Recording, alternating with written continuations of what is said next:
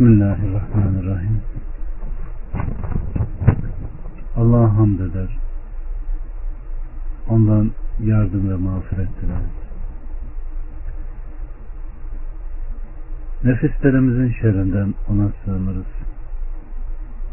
Amellerimizin kötülüğünden ona sığınırız. Allah kime hidayet verirse onu kimse saptıramaz.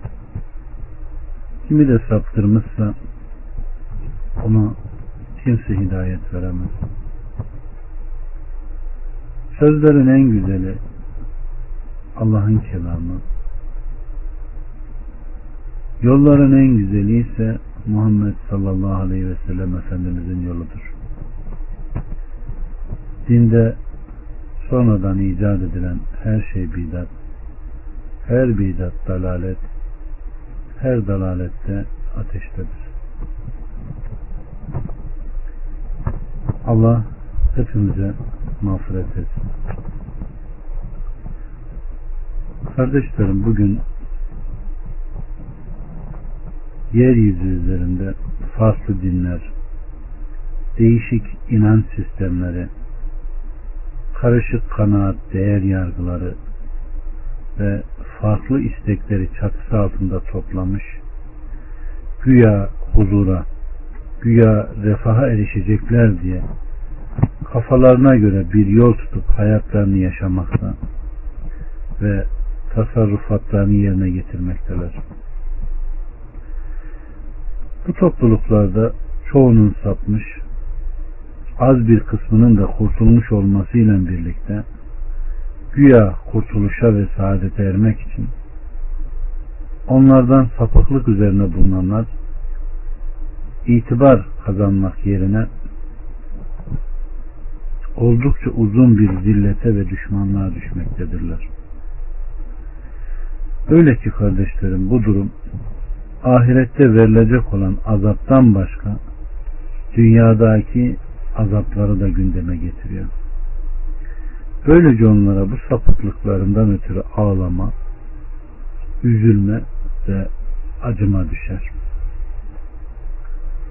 Kardeşlerim, yol bu kadar apaçık belli olduğu halde bu sapıklık nedir? Eğri olan yol ile dost doğru yol olan sırat-ı müstakim yolu ne demektir? Çünkü kalplere hayat verme, saadet üzerine bulunma, istikrarlı olmak için ancak ve ancak Allah için ihlaslı, samimi olmak gerekir. Şu var ki kardeşlerim, ihlassız ve samimiyetsiz olarak saadete kavuşmaya çalışan bir kimseye şu sözü söylememiz herhalde çok yerinde olacak. Allah gence yardımı, ihlası vermediği sürece ilk sapıtacak olan onun çalışmasıdır.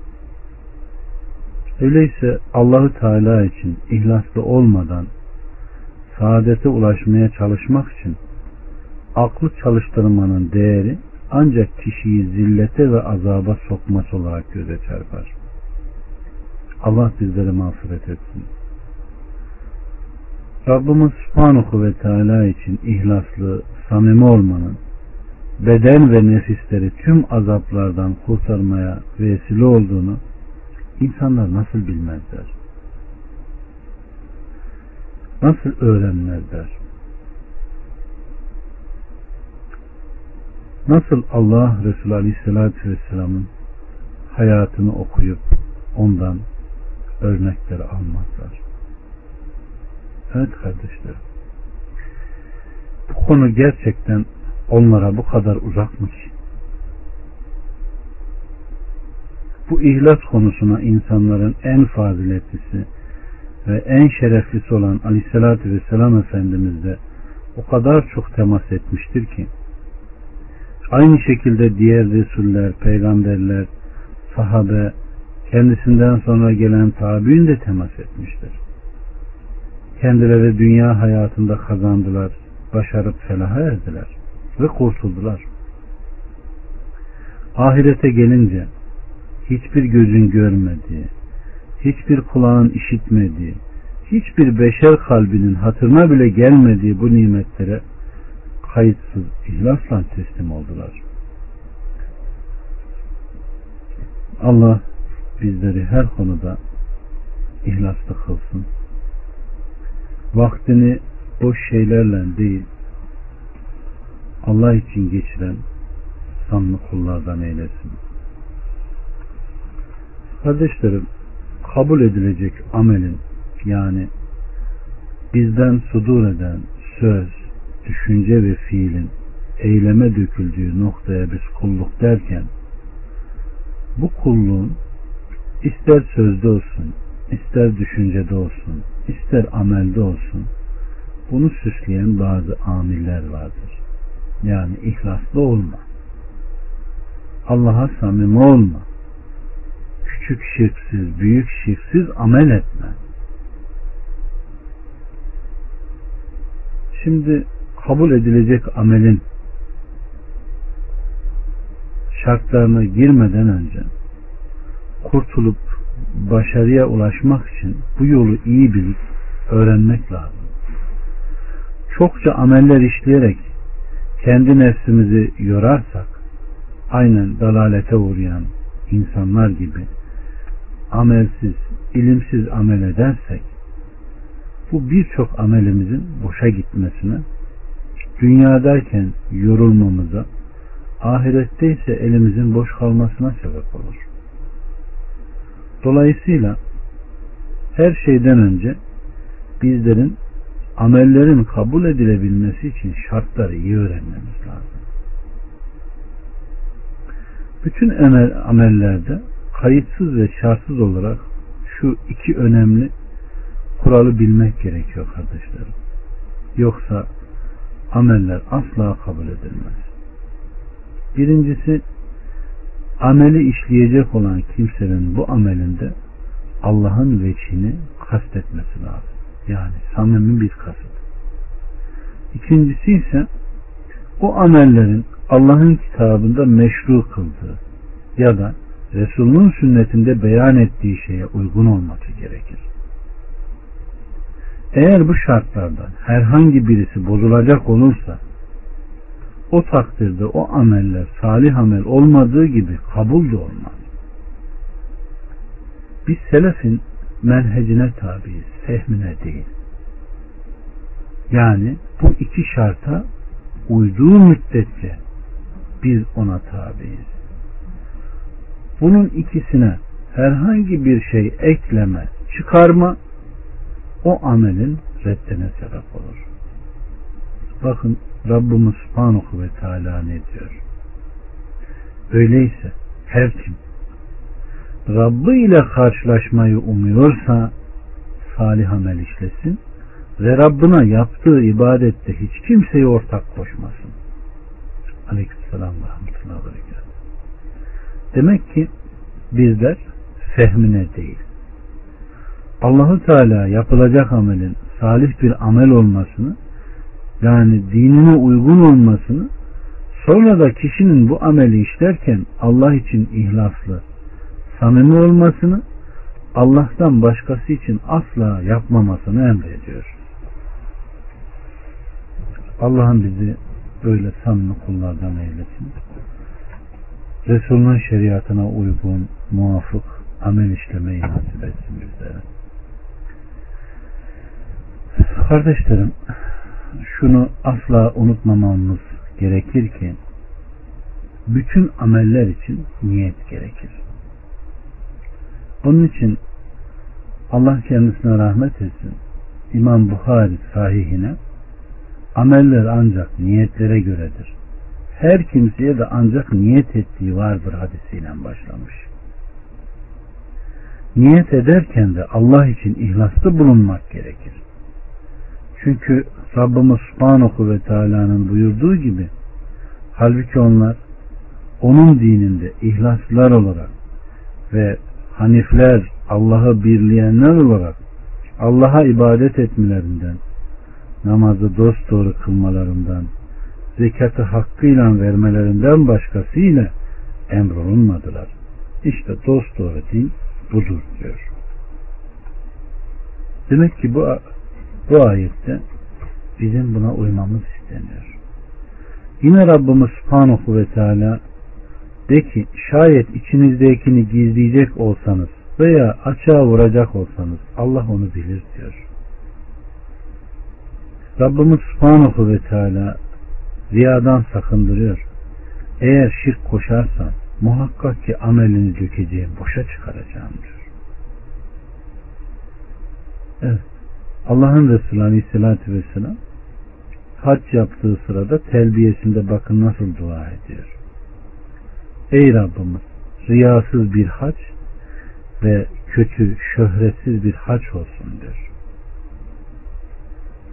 Demek ki Allah Resulü Aleyhisselatü Vesselam bizi her türlü ihlassızlıktan, samimiyetsizlikten sakındırdığı gibi riyadan da şiddetten sakındırıyor.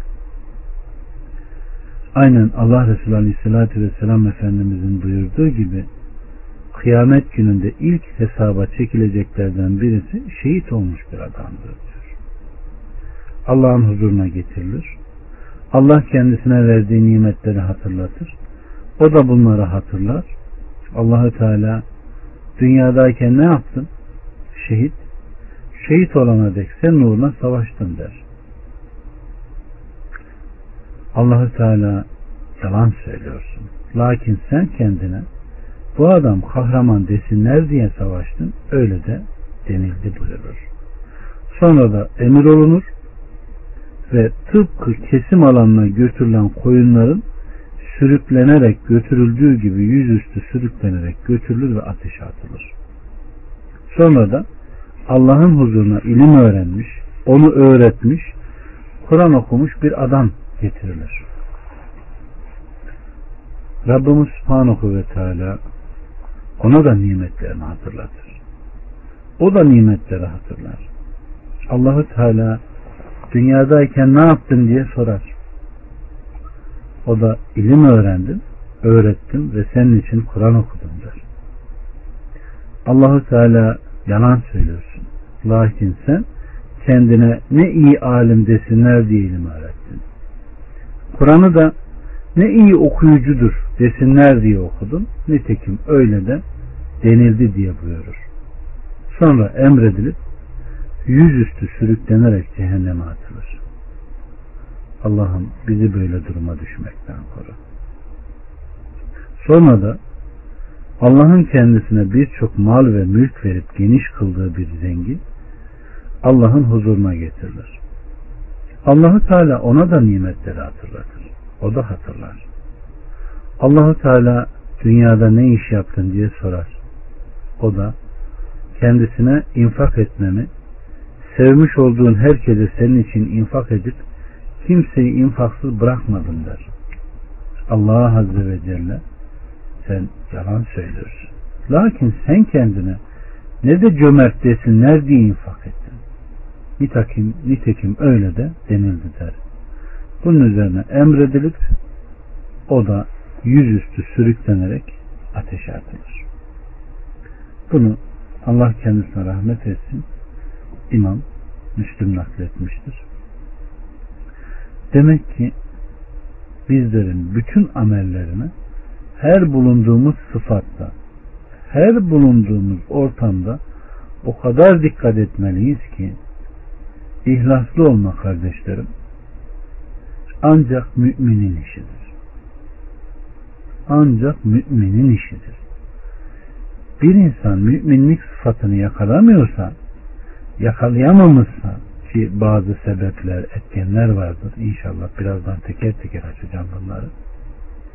Hiçbir amelini, hiçbir sözünü, hiçbir hayrını başkasının taltifini beklemeden yapmaz. Bilmiyorum bunu anlatabildim mi? Müminlik sıfatını yakalayamayan birisi ne ilminde ne hayrında ne de amellerinde başkasının övmesini, taltifini görmeden hiçbirini yapamaz.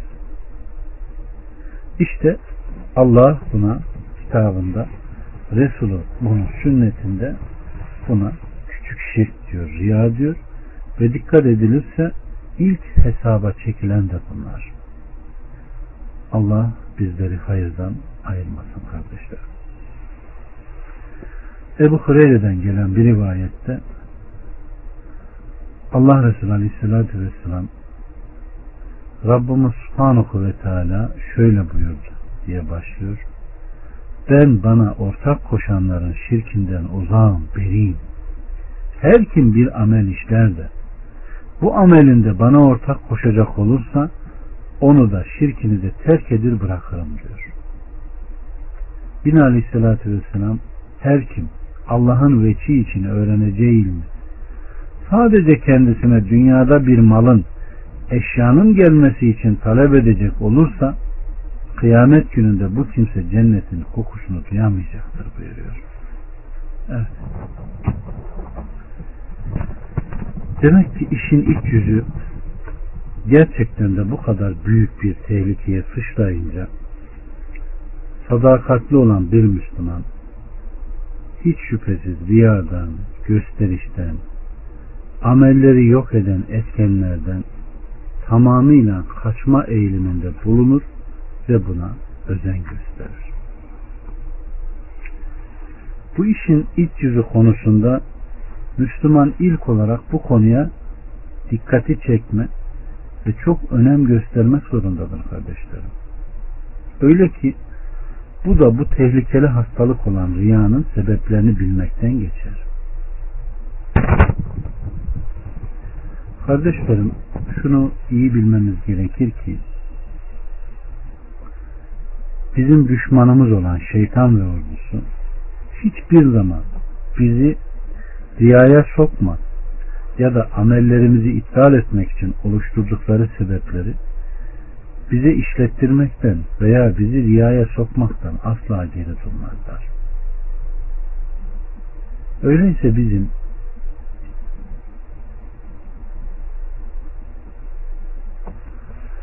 kitap ve sünnette gelen şeytanın tuzaklarından sakındırma ile ilgili ayetlere, hadislere iyi bir bakmamız gerekir.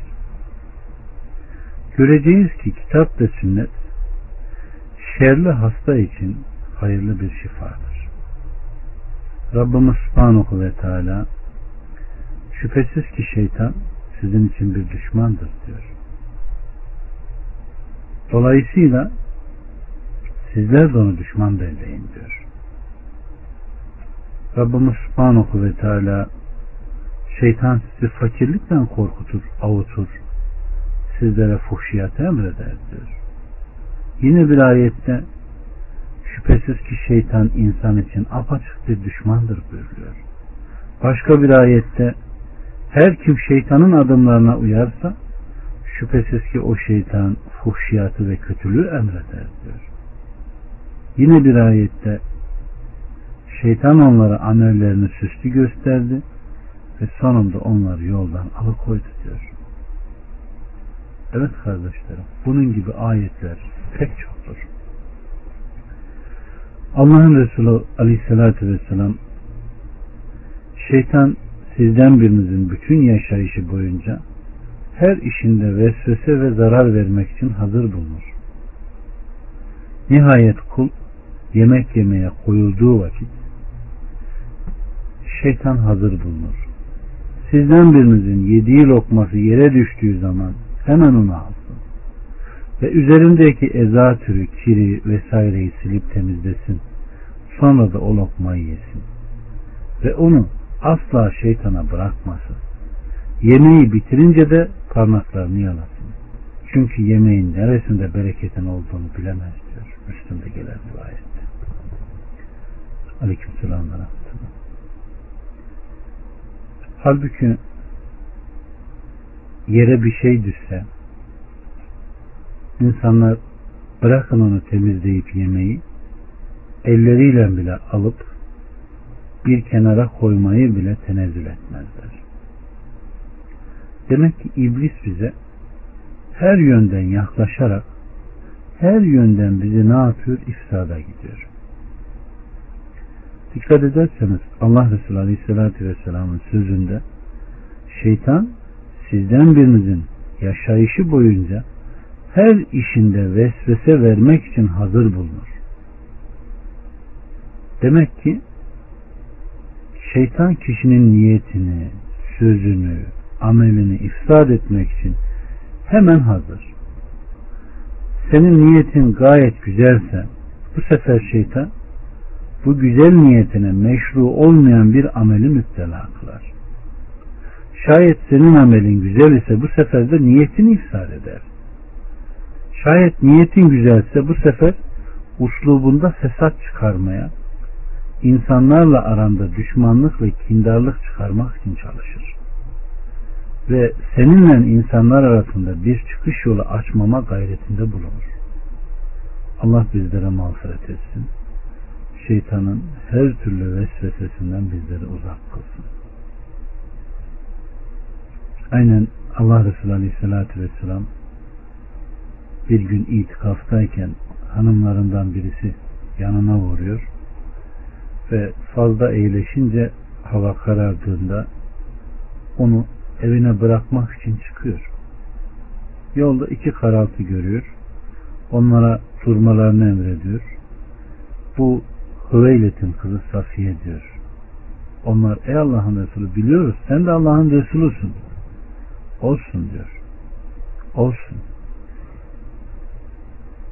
Şeytan diyor insanın damarlarında kanın dolaştığı gibi dolaşır diyor. Yani vesvese verir diyor.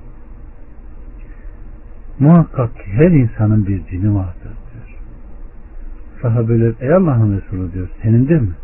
Evet benim de diyor. Lakin diyor Allah bana ona karşı yardım etti ve o şeytanı Müslüman yaptı. Bana da sadece hayrı emretmektedir diyor. Bu basit bir söz değil kardeşler. Basit bir söz değil. Demek ki her zaman insana şerri ilham eden, şerri vesvese eden insana musallat olan bir cin varsa öyle bildirilen öyleyse bizim her türlü sözümüze, düşüncemize, amelimize, yaptığımız hareketlere çok dikkat etmemiz gerekiyor. Sözümüzle amelimiz birbirine ters düşmemesi gerekiyor. Bakın Allah Resulü Aleyhisselatü Vesselam Allah bana ona karşı yardım etti ve Müslüman oldu diyor. Öyleyse bizim de Allah'ın razı olacağı amelleri çokça işlememiz gerekiyor. Bakın yine Allah Resulü Aleyhisselatü Vesselam'ın söylediği sözlerden birine bakacak olursak İblis diyor arşını koltuğun suyun üzerine kurar. Sonra ordularını gönderir. Onlardan en çok fitne verene yaklaşır, ona yakın olur. Onlardan birisine gelir, böyle böyle yaptın mı o henüz bir şey yapmadı. Sonra öbürüne uğrar, onu artık rahat bıraktım. Sonra bir adamla karısının arasını ayırmayı başardım der. İşte iblis çok memnun kalır ve ona oldukça yakın olur. Artık sen benim gözüme girdin der ve başındaki tacı ona giydirir. Demek ki kardeşlerim iblis avaneleri hiçbir zaman boş durmuyor. Muhakkak insanları ifsad edecek, onların arasını ayıracak, onların bir şeylerle uğraşmasını sağlayacak işlerde bulunuyor.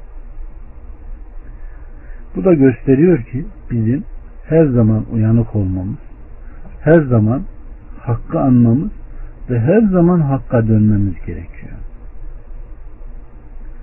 Allah Resulü Aleyhisselatü Vesselam şüphesiz ki şeytan insanoğlunun kan damarlarında gezdiği gibi gezer dolaşır vesvese verir. Öyleyse kardeşlerim Allah bizlere mağfiret etsin. Allah bizleri korusun. Allah'ın katından kovulmuş olan bu şeytana karşı çok dikkatli olmalıyız. Ve şunu unutmamamız gerekiyor ki şeytan bizim gibi uyumaz. Şeytan yatmaz. Çünkü onlar uyumaz. Şeytan seni asla bırakmayacak. Büyük olsun, küçük olsun, bütün amellerinde Allah'tan yardım istemezsen ve onun koruması altında kalmak istemiyorsan o zaman şeytanın seni bırakmayacağını göreceksin. Aleykümselam ve rahmetullahi ve Düşün sen uyuduğunda sana rüyanda kabus gösteren, seni korkutan o değil mi? Rüyanda uyandığında ihtilam olmana sebep olan o değil mi? Birçok meseleyi bu yönlü sayabiliriz kardeşlerim. Allah bizlere mağfiret etsin. Ahiret hayatından önce dünyadayken ihlaslı olmanın faydalarından bazısını yakalamamız, bunları öğrenmemiz bizi bütün sıkıntı ve şiddetlerden koruyacaktır kardeşlerim. Allah için ihlaslı olma, salih amel işleme, salih amellerle Rabbimize tevessül etmeliyiz.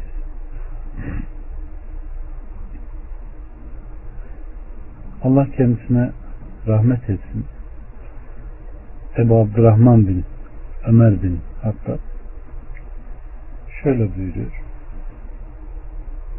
Aleykümselam ve rahmetullahi ve Allah Resulü Aleyhisselatü Vesselam'dan gelen bir nakli bildiriyor. Sizden diyor önceki zamanlarda üç kişi vardı. Yola çıktılar. Gecelemek için bir dağdaki mağaranın içine sığındılar. Mağaranın ağzına bir kaya düşerek mağarayı kapattı. Birbirine şüphesiz sizi bu mağaradan ancak Allah için samimi salih amellerinizle Allah'a yapacağınız dua kurtarır dediler. Bunun üzerine onlardan birisi Allah'ım benim iyice ihtiyarlamış bir anam ve babam var. Ben koyun bitmeye çıkardım. Döndüğümde koyunlarımı sağar, süt kabımı götürür, ilk öncelikli olarak ana ve babama sunardım. Onlar da bundan içerlerdi. Sonra da küçük çocuklarıma, aileme ve karıma içirirdim. Bir defasında geç kaldım. Geldiğimde anam ve babam uyuyorlardı. Onları kaldırmayı düşünmedim ve süt kabı da elimde olduğu halde onların kalkmalarını bekledim. Bu esnada çocuklarım uyandı. Açlıktan ayağımın yanında ağladı. Benim ve anamla babamın bu durumu secrin aydınlanmasına kadar devam etti. Ey Allah'ım sen de daha iyi bilirsin ki bunu sadece senin ve için için yaptım. Dolayısıyla içinde bulunduğumuz şu halimize yardımcı ol da şu kayayı mağaranın ağzından kaldır.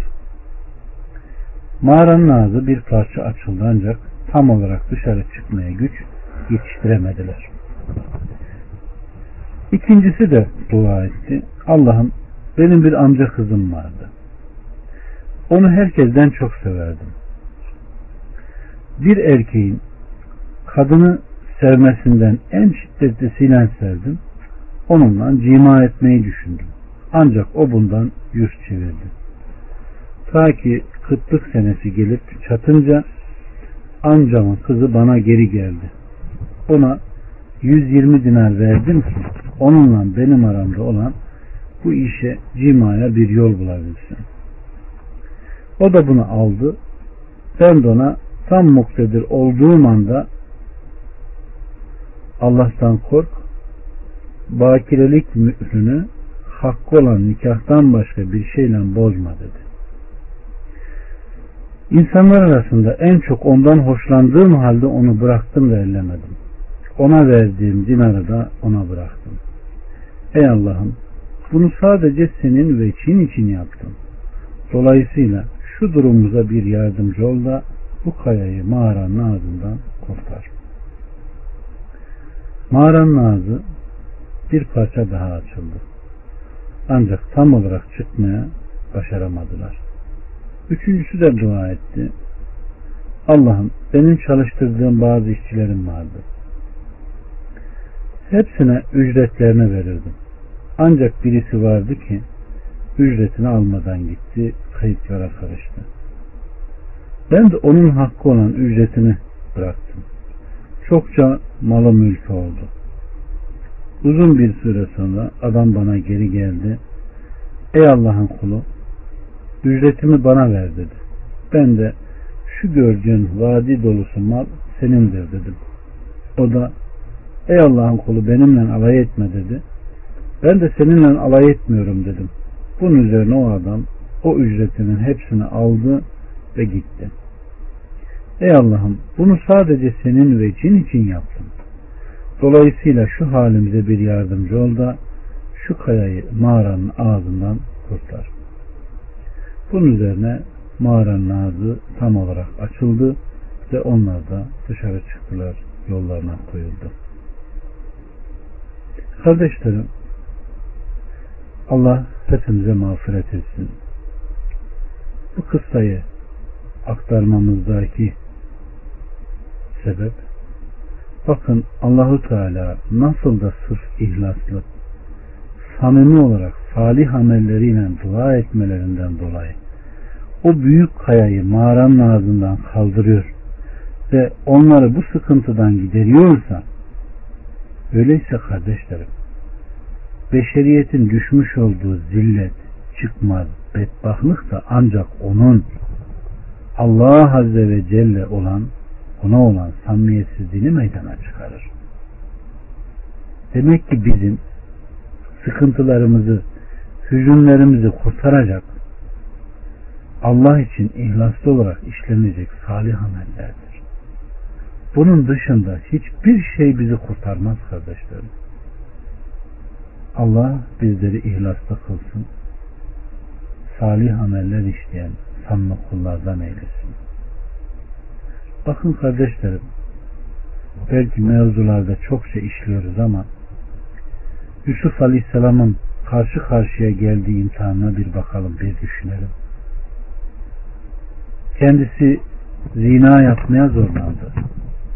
Bütün istekler, hırslar tam anlamıyla orada toplandı ki şeytan Yusuf Aleyhisselam'ı zina etmeye zorluyordu. Başarılı oldu mu? Olamadı. Bir kadının kendisini elde etmek için aradığı tüm olgular Yusuf Aleyhisselam'da toplanmıştı. Oldukça güzel yapılı olması, bekar olup yüzünde çok harika görünümde bir genç olması gibi. Allah Resulü Aleyhisselatü Vesselam demiyor mu? Yusuf'a diyor Adem oğlunun güzelliğinin yarısı verildi. Allah'ım bizleri mağfiret eyle.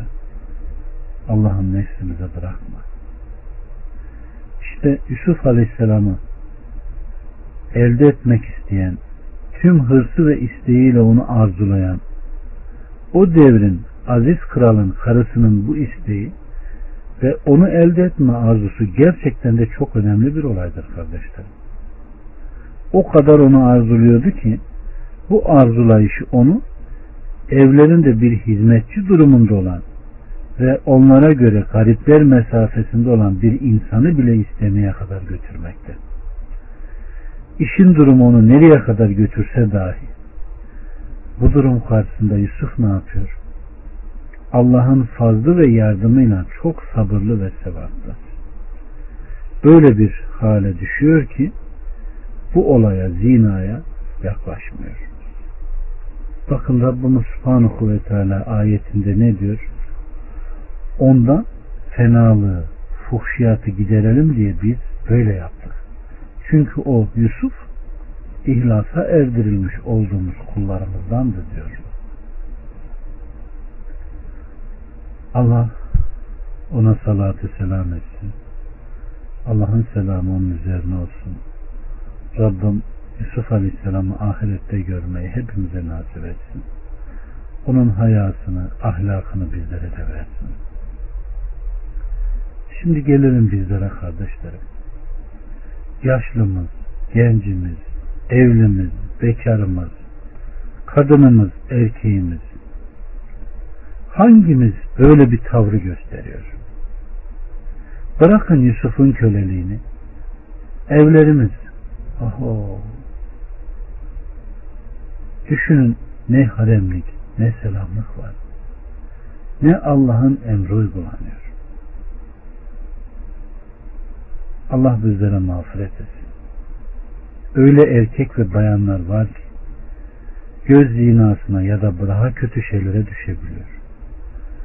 Bunun en büyük sebebi Allahü Teala için ihlaslı olma eksikliğidir kardeşlerim. Allah bize yeter. O ne güzel vekildir. Demek ki Allah korkusu her işte onun rızasını gözetme insana ihlası sağladığı gibi kötü amellerle imtihanda bulunulduğumuzdaysa yine bize yardım edecek Allah. Bakın şüphesiz Rabbimiz Subhanahu ve Teala kitabında Resulü sünnetinde bize o kadar çok örnekler veriyor ki o kadar çok örnekler veriyor ki bu örneklerin bizim hem imanımızın artmasına sebep oluyor hem de şu karışmış kargaşa haline düşmüş kir yumağıyla günahlarla yorulmuş şu toplumda bizim aklanmamıza, temiz kalmamıza ve ihlaslı olmamıza sebep olur. Allah bu nasihatları alanlardan eylesin kardeşler. Hepimizin malumu devamlı zikrettiğimiz rivayetlerden bir tanesinde Ashab-ı Uhdud kıssasında bakın Allah Resulü Aleyhisselatü Vesselam ne diyor? Sizden önceki ümmetler içinde diyor bir kral vardı. Kendisinin de bir sihirbazı vardı. Sihirbazı ihtiyarlayınca ben epeyce yaşlandım.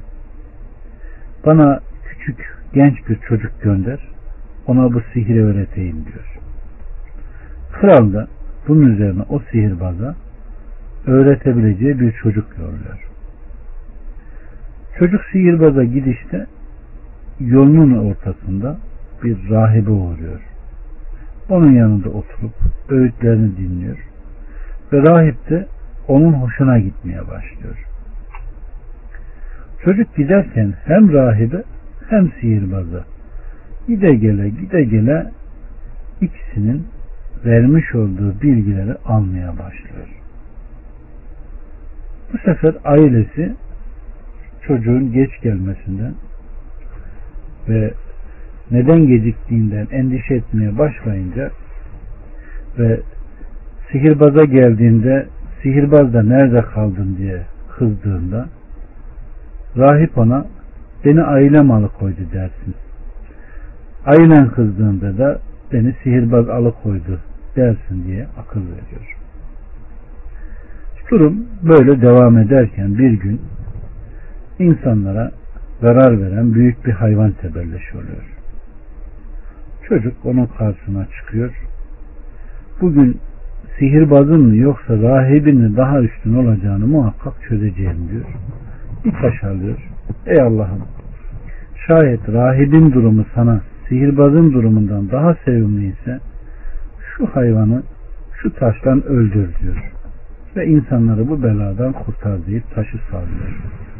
Hayvan ölüyor. İnsanlar da bundan sonra yollarına devam edip gidiyorlar. Bunun üzerine çocuk rahibin yanına geliyor. Olanları kendisine haber verince rahip diyor ki ey oğulcuğum sen bugün benden daha üstünsün. Sen artık benim bu yüksek dereceme ulaşmış bulunuyorsun. Yakında çok çetin bir imtihana tabi tutulacaksın. Sen bu çetin imtihanlarla baş başa kaldığında sakın benim yerimi hiç kimseye haber verme diyor. Kardeşlerim çocuk artık kör olanı alaca hastalığını kurtarıp tedavi ediyor.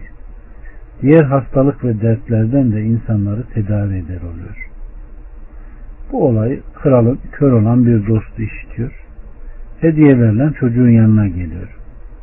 Şayet bana şifa verecek olursan şu gördüğün bütün hediyeler senindir. Çocuk diyor ki bu çok önemli. Ben kimseye şifa veremem diyor. Sağlığa da kavuşturamam. Ancak şifa verecek, sağlık verecek Allah'tır.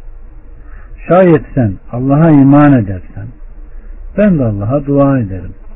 Allahu Teala da sana sağlık ve şifa verir diyor. Kör olan adam da bu açıklaması üzerine Allah'a iman ediyor. Allah da ona şifa veriyor. Bir süre sonra bu adam kralın yanına gelince eskiden oturmakta olduğu gibi yanında oturuyor. Kral ona gözlerini sana kim verdi deyince o da Rabbim diyor. Kral senin benden başka Rabbin mi var diyor. O da evet benim de senin de Rabbin Allah'tır diyor.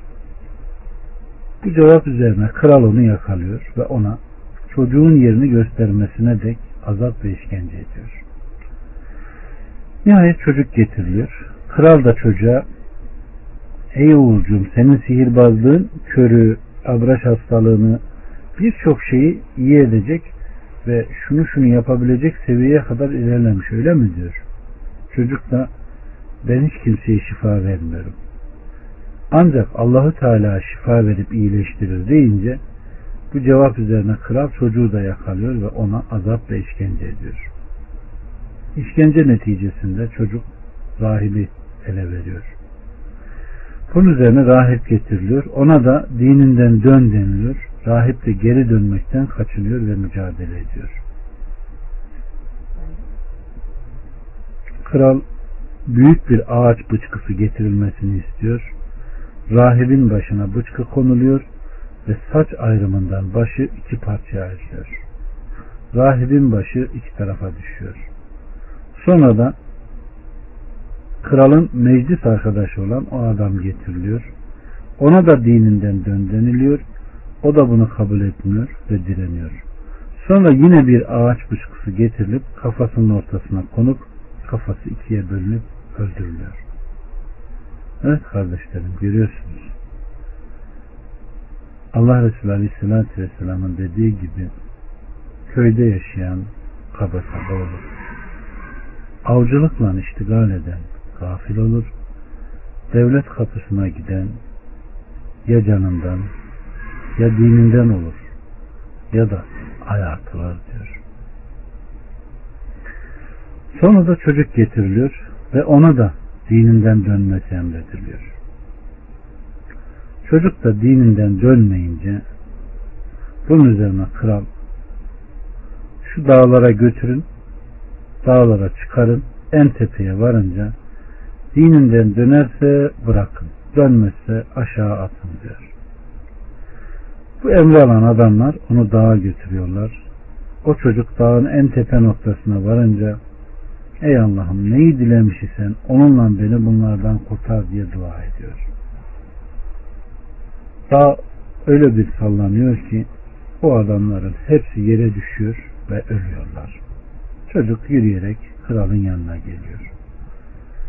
Kral ona arkadaşların ne oldu diye sorduğunda Allah onu onlardan beni kurtardı diyor. Bu sefer kral onu adamlarına teslim ediyor Götürün bunu bir gemiye bindirin sonra bunu denizin ortasına atın diyor. Adamların kralın dediklerini yerine getirip çocuğu denizin ortasına götürdüklerinde çocuk Ya Rabbi dilemiş olduğun şeyle beni bunlardan kurtar diyor. Gemi bu duası üzerine hemen ters dönüp üstündekilerini deviriyor ve adamların hepsi denizde boğuluyor. O çocuk yüzerek karaya çıkıp yürüyerek kralın yanına geliyor. Kral arkadaşlarına ne yaptın deyince çocuk Allah beni onlardan kurtardı diyor. Ve krala hitap ederek sana emredecek şeyi yapmadıkça beni asla öldüremezsin diyor. Kral da peki nedir o? O da insanların hepsini açık bir arazide topla. Beni de bu esnada orada bir hurma gövdesine at. Deriden yapılmış olan ok kuburumdan bir ok al Sonra bu oku yayın atar kabza kısmına yerleştir. Sonra da Bismillahi Rabbul Gulam yani oğlanın Rabbi olan Allah'ın adıyla diye başla. Sonra oku bana at. İşte bunu yaptığın zaman beni öldürmüş olursun diyor. Bu açıklamasından sonra kral insanları geniş açık bir araziye topluyor. O çocuğu da bir hurma ağacının bedenine asıyor o çocuğun deriden yapılmış ok kurbundan bir ok alıp onu kabzaya yerleştirdikten sonra Bismillahi sözünü söylüyor ve o oku o çocuğa doğru atıyor. Ok da çocuğun gözüyle kulağı arasında dulun denilen bölgesine saplanıyor. O çocuk da hemen elini okun bulunduğu yere elini koyuyor ve ölüyor. Bu olay üzerine biz bu çocuğun Rabbına iman ettik demeye başlıyor insanlar. Bunun üzerine kral gördün mü sakınıp durduğun şeyi diyorlar ve Allah'a yemin olsun ki sakınıp durduğun ve korktuğun şey senin başına indi. İnsanların hepsi iman etti deyince kral çok kızıyor, öfkeleniyor ve uzun çukurlar açılmasını emrediyor. Üzerlerine hendekler kazılıp açılıyor ve oralarda büyük ateşler yaktırarak kim dininden dönmezse onları bu çukurun içine atıp yakacağını söylüyor ve atıyor. Bu emrini yerine getiren kralın adamları insanları teker teker atarken sıra yanında küçük bir çocuğu bulunan bir kadına geliyor. Kadın çukura girmekten irkilip geri çekilmeye başlayınca bakın emzikteki çocuk annesine ey anneciğim sabret çünkü sen hak üzerinesin diyerek annesinin ateşe atlamasını söylüyor. Evet kardeşlerim. Ey Müslüman kardeşim bir bak nasıl da Allahü Teala'ya samimiyetle yapılan dualara Allah icabet ediyor. Ve nasıl da dua olayları Allah'a gösterilen ihlas vesilesiyle değişiyor. Bir bakın kardeşlerim. Oğlan çocuğuna bakın. Gerçekten büyük bir tehlike yaşıyor. Kralın adamları çocuğu alıp dağdan aşağı atacaklar. O ey Allah'ım neyi dilemişsen onunla beni bunlardan kurtar diye dua ediyor. Ve bunu sadece samimi olarak Allah'a ihlastan yapıyor. Duasıyla dağ sarsıldıkça sarsılıyor. Adamlar aşağı düşüp ölüyor. Çocuğa hiçbir şey olmuyor. Çocuk da yürüyerek kralın yanına gidiyor. Demek ki kardeşlerim bu genci ölümden kurtarmaya vesile yine onun ihlaslı olması. Ve Allahü Teala onun ihlası vesilesiyle düşmanlarını helak ediyor. Allah bizlere korkan bir kalp nasip etsin. Bakın sonra çocuğu yakalayıp ondan kurtarmak için gemiye bindiriyorlar. Çocukta bulunan kuvvet sırrının da ihlas olduğunu gördükleri halde bunu yapıyorlar ve denizin ortasına kadar götürüyorlar. Denize atmayı kastediyorlar. Çocuk yine Allah'a ihlasla dua ediyor. Ey Allah'ım neyi dilemişsen onunla beni bunlardan kurtar. Gemi ters töz oluyor. İçindekiler boğuluyor. Çocuk yine boğulmadan karaya çıkıp kralın yanına gidiyor. İşte kardeşlerim Rabbimiz Subhanahu ve Teala'nın o çocuğa bağış ettiği şey ihlas.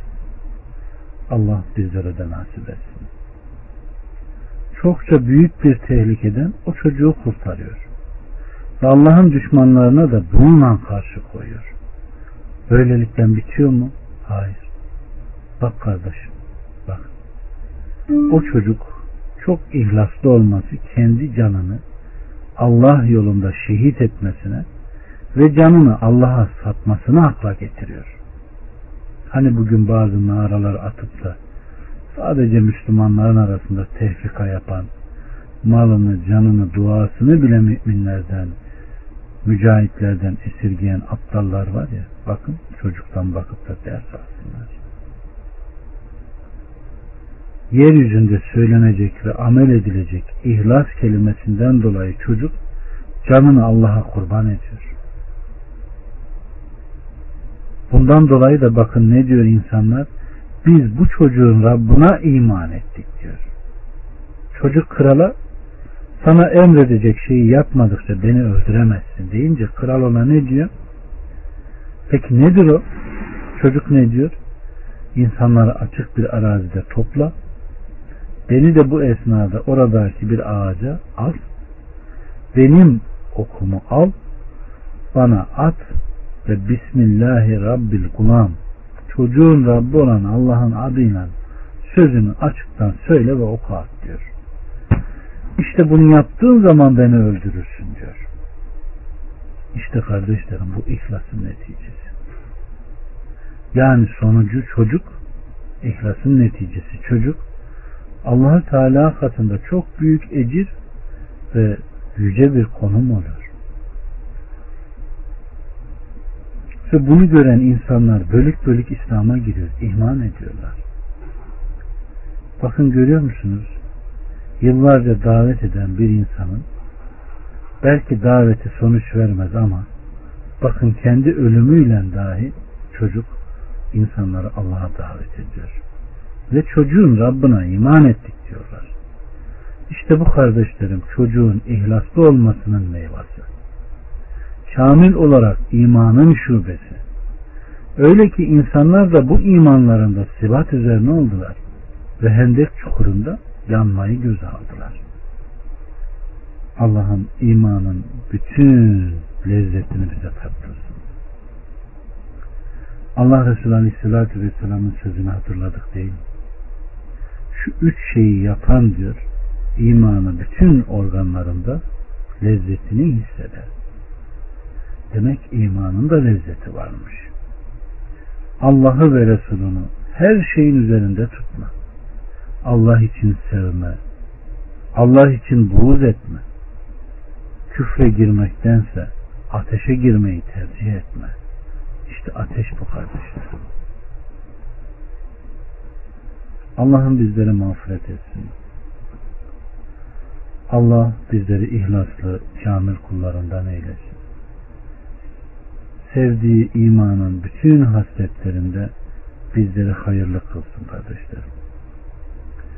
Bakın yine çocuklardan vereceğimiz misallerden bir tanesi de hatırlarsınız ihlaslı olmanın meyvelerinden birisi de Rabbimiz Subhanahu ve Teala'nın beşikteki bebeği konuşturmasından dolayı. Annesi ateş dolu çukurlara düşmekte olduğu sırada irkiliyor. Çocuk annesine ne diyor? Ey anneciğim sabret. Şüphesiz sen hak üzerindesin. Demek ki Allah bizi her halükarda imtihan ediyor. Allah'ın bizi ihlaslı kullarından kıl. Allah'ın bizleri mağfiret eyle. Beşikteki çocuk konuşuyor kardeşlerim. Bugün ise beşeriyetin kalbi Allah'ın merhamet ettikleri hariç oldukça hakka kapalı ve hiçbir şeyi kabul etmemekte. Allah'ın bizlere merhamet etsin. Allah aklını başına alıp olayları inceden inceye düşünen, ibret alan kullardan eylesin. Gelin şimdi ihlas, iman atmosferinde şöyle bir yol alalım. Gelin İbrahim'in kıssasına gidelim. İbrahim Aleyhisselam'la karısının kıssasını bir okuyalım. İbrahim Hacer'le evleniyor. İsmail olduktan sonra emzirmekte olduğu bu oğluyla birlikte Mekke'ye geliyor. Hacer ile İsmail'i bugün Mescid-i Haram'ın bulunduğu yerin yüksek bir yerindeki zemzem kuyusunun yukarısında büyük olan ağacın yanına bırakıyor. O vakit kardeşlerim orada hiçbir şey yok. Hiçbir şey yok. Hiç kimse yok. İçecek su bile yok. İşte İbrahim Aleyhisselam anayla oğlunu oraya bırakıyor. Yanlarına ise içi hurma dolu meşinden bir dağarcık, içi su dolu bir de kırba. Başka hiçbir şey yok. Aleyküm selam Sonra İbrahim Aleyhisselam geri dönüyor. Hacer annemiz de onu arkasından izliyor.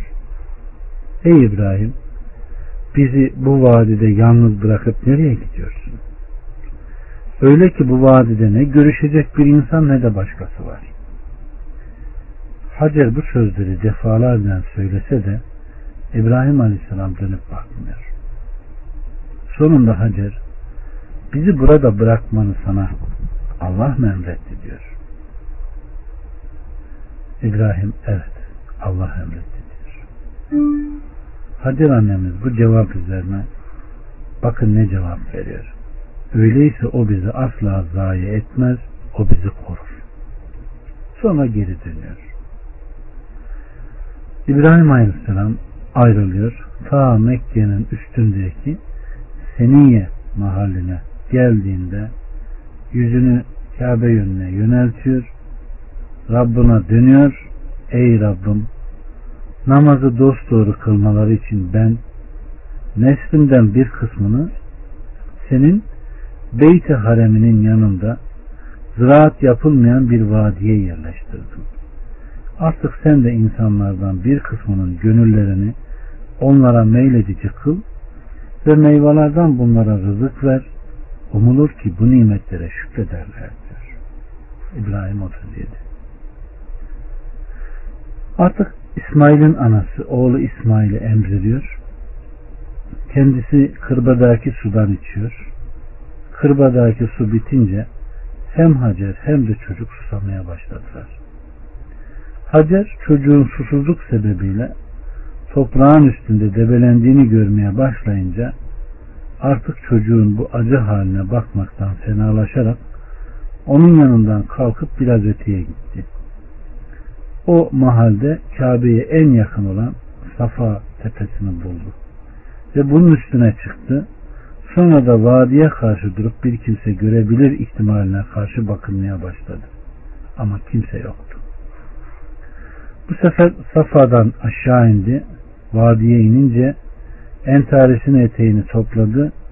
Sonra müşkül bir işle karşı karşıya gelen bir insan azmiyle koştu, vadiyi geçti. Bu sefer Merve mevkiine geldi. Orada da biraz durdu ve bir kimse görebilir ihtimaline karşı bakındı. Yine kimseyi göremedi.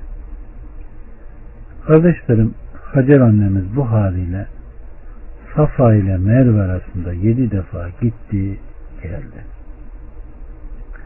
Allah Resulü diyor ki aleyhissalatü vesselam işte insanlar bunun için Safa ile Merve arasında say ederler diyor. Son kere Merve üzerine çıktığı bir ses işitti ve kendisi nefsine hitaben sus iyice dinle dedi. Bunun üzerine dikkatle dinledi. Bu sesi önceki gibi bir daha işitti. Bunun üzerine Hacer ey sesin sahibi sesini işittirdin. Eğer sen bize yardımcı olmaya muhtedirsen yardım et dedi. Böyle der demez hemen zemzem kuyusunun yerinde bir melek göründü. O melek ayağının topuğuyla yeri kazıyor. Öyle ki su göründü. Hacer suyu eliyle çevirip havuz yaptı. Hacer hem eliyle öyle yapıyor, bir taraftan da kırbasını onunla dolduruyordu. Su ise avuç avuç alındıktan sonra yerinde kaynıyordu. Aleyhissalatü Vesselam Efendimiz Allah İsmail'in anası Hacer'e rahmet etsin. O zemzemi kendi haline bıraksaydı da suyu avuçlamasaydı şüphesiz ki zemzem bu sefer akan bir ırmak olacaktı demiştir. Hacer bu sudan içti, çocuğunu emzirdi. Melek Hacer'e zayi ve helak oluruz diye sakın korkmayın Allah'ın evi işte şurasıdır. O evi şu çocukla babası İbrahim inşa edecek. Muhakkak ki Allahü Teala o işin ehlini asla zayi etmez buyurmuştur. Kardeşlerim bu hadisi İmam Bukhari geniş bir şekilde sahihinde rivayet eder. Allah kendisine rahmet etsin. Gelelim bu kıssanın üzerinde şöyle bir düşünmeye hiçbir insanın hiçbir şeyin bulunmadığı bir boş araziye İbrahim Aleyhisselam sadece Allah'ın emrini yerine getirmek için karısını ve oğlunu yalnız bırakıyor. Kardeşlerim bu elbette ihlasın apaçık görüldüğü manzaralardan birisidir. Allah bizi İbrahim'in ahlakından, teslimiyetinden eylesin. Bakın bu ihlas manzaralarından birisi de eşi Hacer'e bakın. Ne diyor? Bunu sana Allah mı emretti? İbrahim Aleyhisselam evet deyince Hacer annemiz ne diyor? Öyleyse Allah bizi asla zayi etmez. Allah bizi korur diyor. İşte iman ehlinden sudur eden söz teslimiyette bu kardeşler. Allah bizi onlardan kılsın. Bir bakalım. Allahu Teala onları zayi edip kendi hallerine bıraktı mı? Elbette bırakmadı. Allah'a imanlı bir kalp ile titreyen, yanan, ihlaslı bir kul. İbrahim ve karısının ihlası hakkında cereyan eden bu kıssada elbette ibretler, öğütler var kardeşlerim. Aleyküm selam ve rahmetullahi Bununla beraber kardeşlerim Allahü Teala ihlas ve ona bağlılık olan nefsi Allah'a kurban etmek ilkelerinden dolayı da zemzem kuyusunu fışkırtmıştır. Bunu zemzemi sadece İsmail ile anası için değil milyonlarca Müslümana senelerdir nasip etmiştir. Allah'a hamdü senalar olsun. Bakın Allah için ihlaslı olma ilkesiyle yine birçok ülkeden gelip hac, ömre yapan hacıların içmiş olduğu zemzem suyu kaynamış. Öyle bir zemzem ki Allah Resulü diyor ki aleyhissalatü vesselam zemzem ne için içilirse ona göredir, değer alır diyor.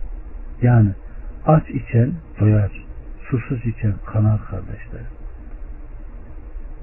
Allah bizlere mağfiret etsin.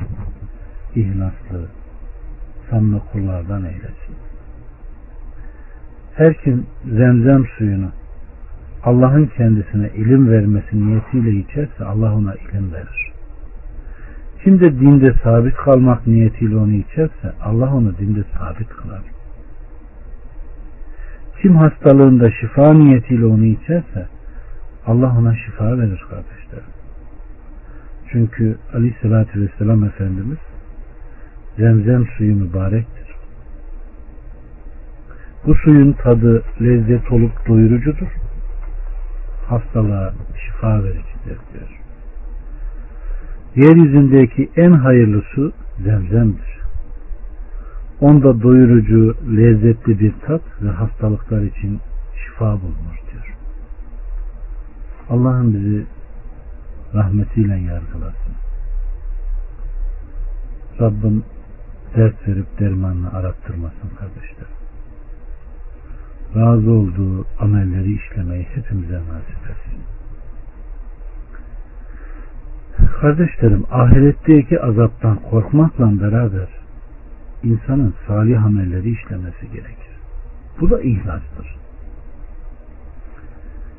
Bakın Rabbimiz Subhanahu ve Teala onlar kendi canları çekmesine rağmen yoksula, yetime, esire yedirirler. Biz sizi Allah'ın veçi için doyuruyoruz.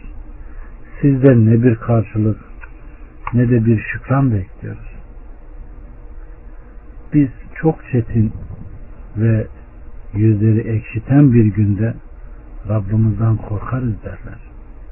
İşte bu yüzden Allah onları o günün şerrinden korur, onlara parlaklık ve sevinç bahşeder diyor İnsan 8'de. İşte onlar hayır işlerken insanların gelip kendilerine ücret ya da teşekkür etmelerini asla beklemezler. Yemek yedirirken, su içirirken, yardımcı olurken asla insanlardan bir şey ummazlar. Kendileri sadece Allah'tan korkarak amellerini işliyorlar. Ve biz çok çetin ve yüzleri ekşilten bir günde Rabbimizden korkarız diyorlar. Öyleyse kardeşlerim yemek yedirirken kıyamet günü Rabları olan Allah'tan korkarak bu eylemi ifade ediyorlar. Asla ve asla nefislerini ön plana sokmuyorlardı. Ve yardım ettikleri kimseler de asla tepeden bakmıyorlardı. Onlardan bir şey de beklemiyorlardı. Allah'ım bizi onlardan kıl. Allah'ım bizleri ihlaslı, samimi, kendinden korkanlardan eyle. Bakın Ayşe annemizden gelen bir rivayette kardeşlerim Aleyhisselatü Vesselam'a kalpleri korku içerisinde bulunduğu halde kendilerine verilenlerden verilenlere gelince ayet hakkında bunlardan maksadın içki içip israf edenler mi olduğu sorulunca Allah Resulü Aleyhisselatü Vesselam hayır diyor. Hayır.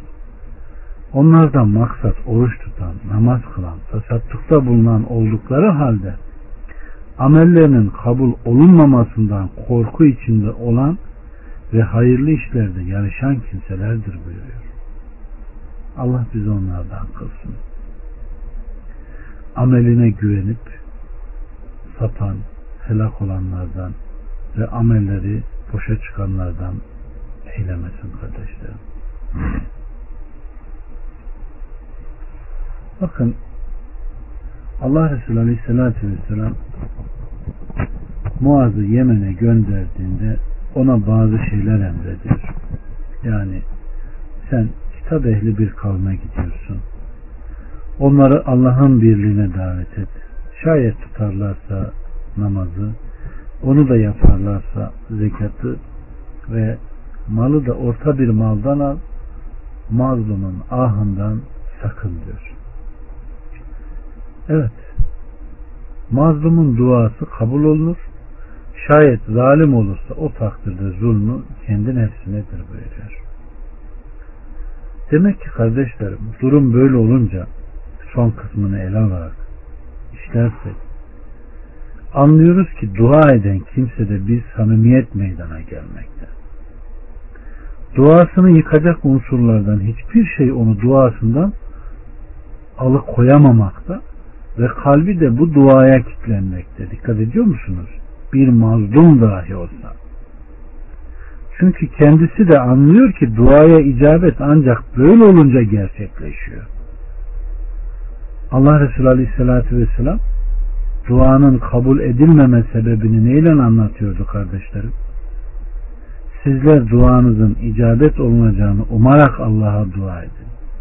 Bilin ki Allahu Teala boş ve gafil bir kalbin yaptığı duayı kabul etmez diyor. Öyleyse kardeşlerim Allah bizleri ihlaslı kılsın. Boş, gafil olan bir kalpten çıkan duaya icabet edilmez. Mazluma gelecek olursak onun uğradığı bir sıkıntısı bulunduğu için onun duasında gaflet yok ki. Zor durumda kalan kimse böyle. Müslüman olmasa dahi bakın buraya çok dikkat edin. Dua yaptığı zaman dahi duası kabul olmuyor. Allahü Teala yoksa darda kalana kendine dua ettiği zaman karşılık veren ve sıkıntıyı gideren sizi yeryüzünün hakimlerini kılan mı daha üstündür diyor Nemil 62'de. Hakikatte zor durumda kalan bir insan da zor durumda ve sıkıntıda kaldığı için kalbi meşguliyetten ve gafletten çok çok uzaktır. Öyle ki kendisinde tuğyan ve küfrü bulunabilmekle beraber zor durumda kaldığı için duasında samimiyet göstermiş. Bakın bunlar bizim için çok güzel örnekler kardeşlerim. Kur'an'da ve sünnette verilen örneklere dikkat edecek olursak bunlar hep tepede verilir. Ki bizler bunları çok güzel anlayalım, hayatımıza geçirelim.